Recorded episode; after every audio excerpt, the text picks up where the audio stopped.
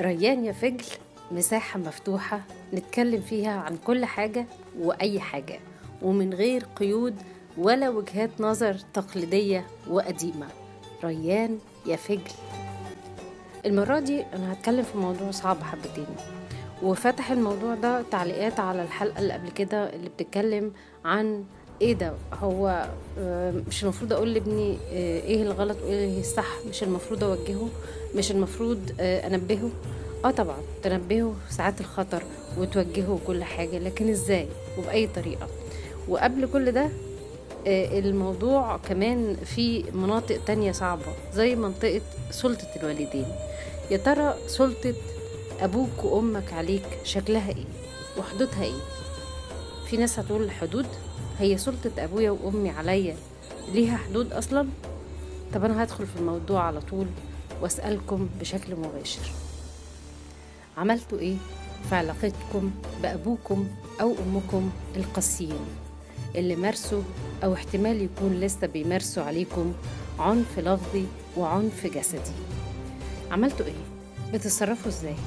وخرجتوا لو خرجتوا من الخبرة دي وبعدتوا عن مصدر الأذى والأسية دي بعدتوا إزاي؟ ويا ترى حاسين إن أنتوا سلام نفسيا؟ حاسين إن حياتكم طبيعية؟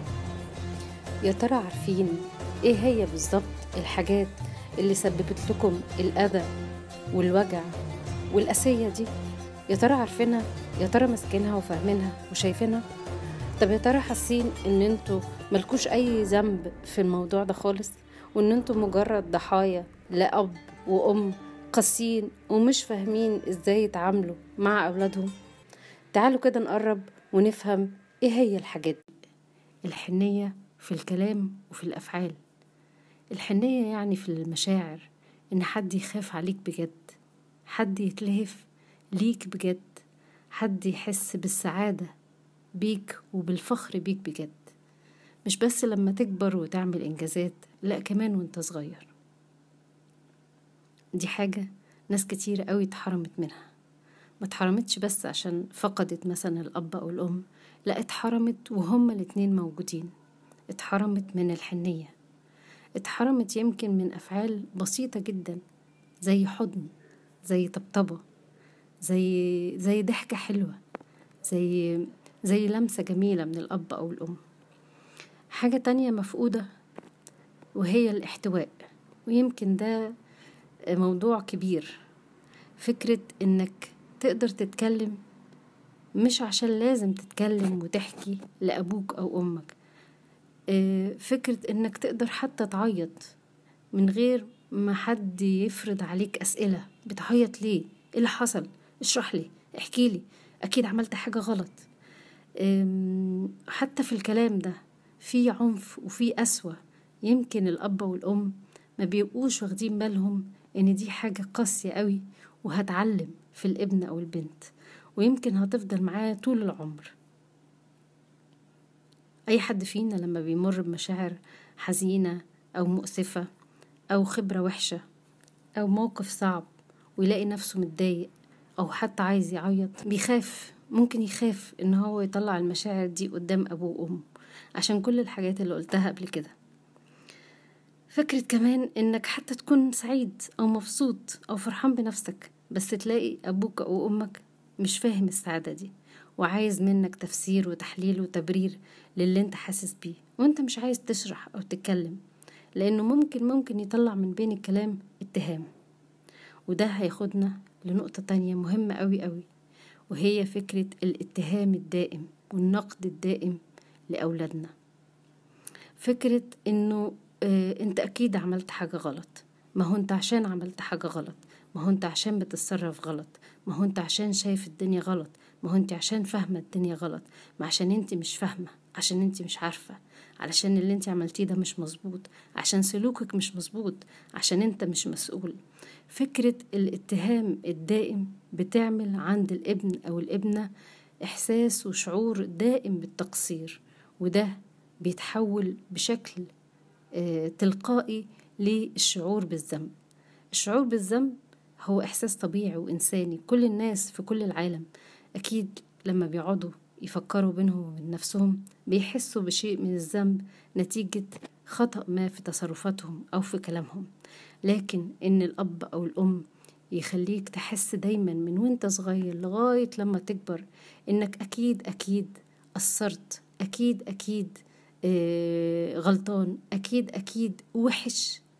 دي حاجة برضو مؤثرة جدا وقاسية جدا ويمكن بتشوه نفسية الولد والبنت لغاية لما يكبر وما يقدرش يتجاوزها ويعيش دايما بالإحساس بالذنب والتقصير اللي بيخليه في الآخر إنسان مش واثق في نفسه ما عندوش أي ثقة في نفسه حتى لو ادعى أو مثل إن هو واثق في نفسه. أكيد أنا ما بقولش الكلام ده بشكل نظري. لأ أكيد أنا عشت حاجات قريبة قوي من ده ويمكن شفتها وسمعتها وعشتها أنا شخصيا. خلينا نقول كمان ونتكلم في نقطة إنه فكرة الإهانة الإهانة دي ممكن تحط تحتيها مليون حاجة. الإهانة دي يعني التجريح الإهانة التريقة. الإهانة الشتيمة طبعا والإهانة العنف العنف البدني.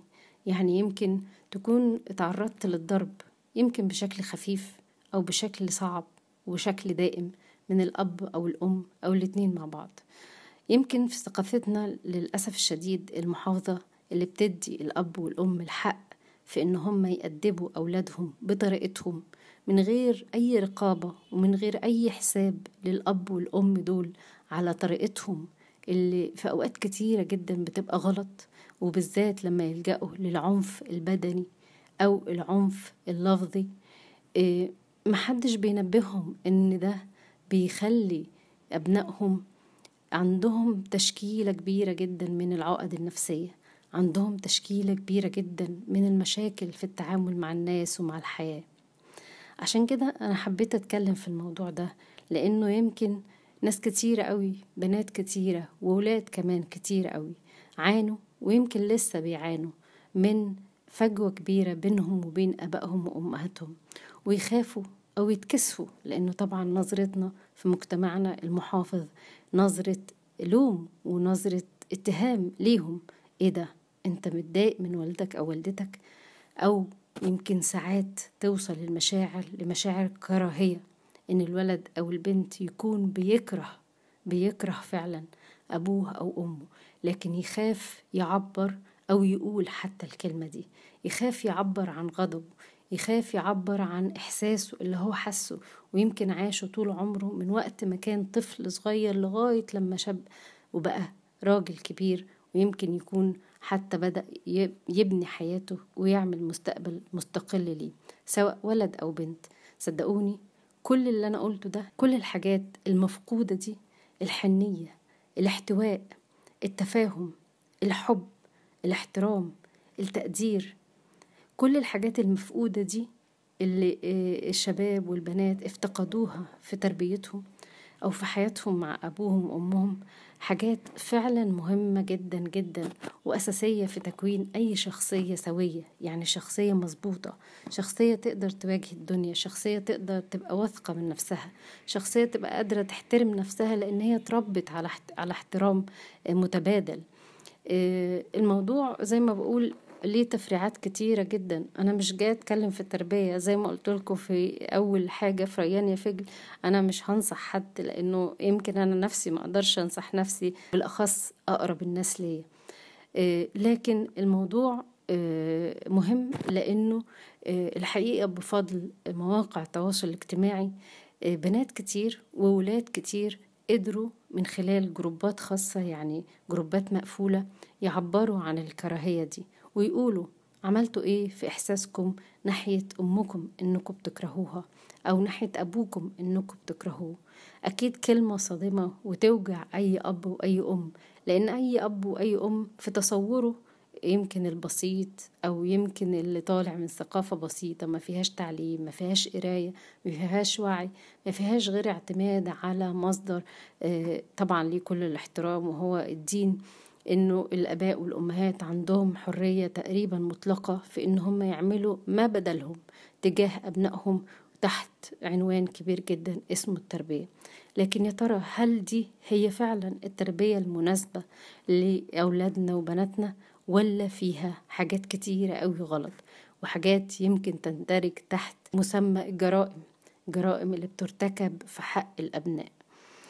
آه عايزة أتكلم بس في جزئية إنه إزاي البنات أو الولاد اللي لسه بيعيشوا في أسرة بيتعرضوا فيها لكل هذه المعاملة القاسية أو الحاجات المفقودة اللي زي ما بقول عليها الحنية والاحتواء والفهم والاحترام والتقدير اللي عايشين وهم مفتقدين الحاجات دي ومش لاقيينها لازم لازم يحاولوا يحصنوا نفسهم ويحاولوا إن هم يعملوا مسافة بينهم وبين الأذى والأسية اللي بيتعرضوا ليها. مسافة يمكن تحميهم لأن النهاردة يمكن متاح بفضل الإنترنت والتكنولوجيا طرق كتيرة جدا للحماية دي. يمكن تقدر تحمي نفسك أو تحمي نفسك بإنك تقرأ تفهم بإنك تفضفض على جروبات التواصل الاجتماعي. الفضفضة والكلام والشرح والقراية هتحسسك بشيء من الراحة النفسية. هتحسسك على الأقل إنك مش واحد بس اللي بتتعرض للعنف ده أو تتعرض للقسوة دي أو تتعرض للحرمان ده. لا في ناس كثيرة جدا مش بس في مصر في العالم كله في العالم العربي وفي الغرب وفي كل حتة عاشوا مع أب قاسي أو أم قاسية وقدروا إن هم يتجاوزوا التجربة دي علشان قدروا إن هم يحصنوا نفسهم على الأقل بإن هم يقروا ويفهموا إيه اللي عملوا أبائهم أو أمهاتهم معاهم بالظبط. لما تعرف لما تكتب لما تقرأ لما تفضفض هتبقى شايف حجم المشكلة اللي أنت موجود فيها أو عايش فيها وبالتالي هتقدر تفهم على الأقل إزاي تحمي نفسك ولو بأقل القليل لأن الهروب من المشكلة في إني مثلا أدخل في علاقة مع حد عشان يعوضني أو حتى أهرب من البيت أو ألجأ لأي حل يبعدني عن الأسرة دي ما هوش الحقيقة حل. هو مشكلة جديدة أنت بتخلقها لنفسك. ليه؟ لأنك عايز تهرب وبس عايز تتخلص من الجو الخانق ده. الحل الحقيقي إنك الأول تفهم إن ده جو خانق وجو قاسي وجو فيه كراهية. أنت مش السبب فيها أنت مش المذنب الوحيد فيها.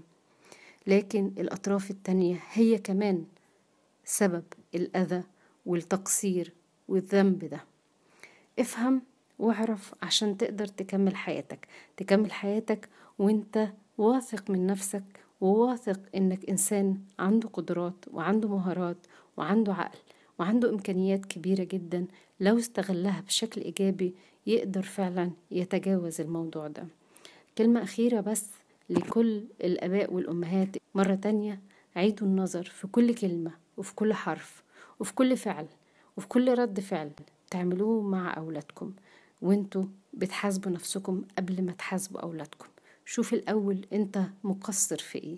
شوف الأول أنت مذنب في إيه. شوف الأول انت واجب عليك إيه ناحية ابنك أو بنتك؟ ما تتهمش أبدا ابنك أو بنتك. ما تنتقدوش بشكل دائم. ما تحاولش دايما تحسسه بالتقصير لأن خليك فاكر إن أنت كده بتهد شخصيته مش بتبنيها. برضو ده مش نصايح والله لكن بقدر الإمكان شوية كده علامات وقراءات ممكن تساعد أو ما تساعدش بقى. أنتوا قولولي لو حبيتوا نتكلم في الموضوع باستفاضة أو نقول حاجات تانية يمكن أنا نفسي ما التفتش ليها.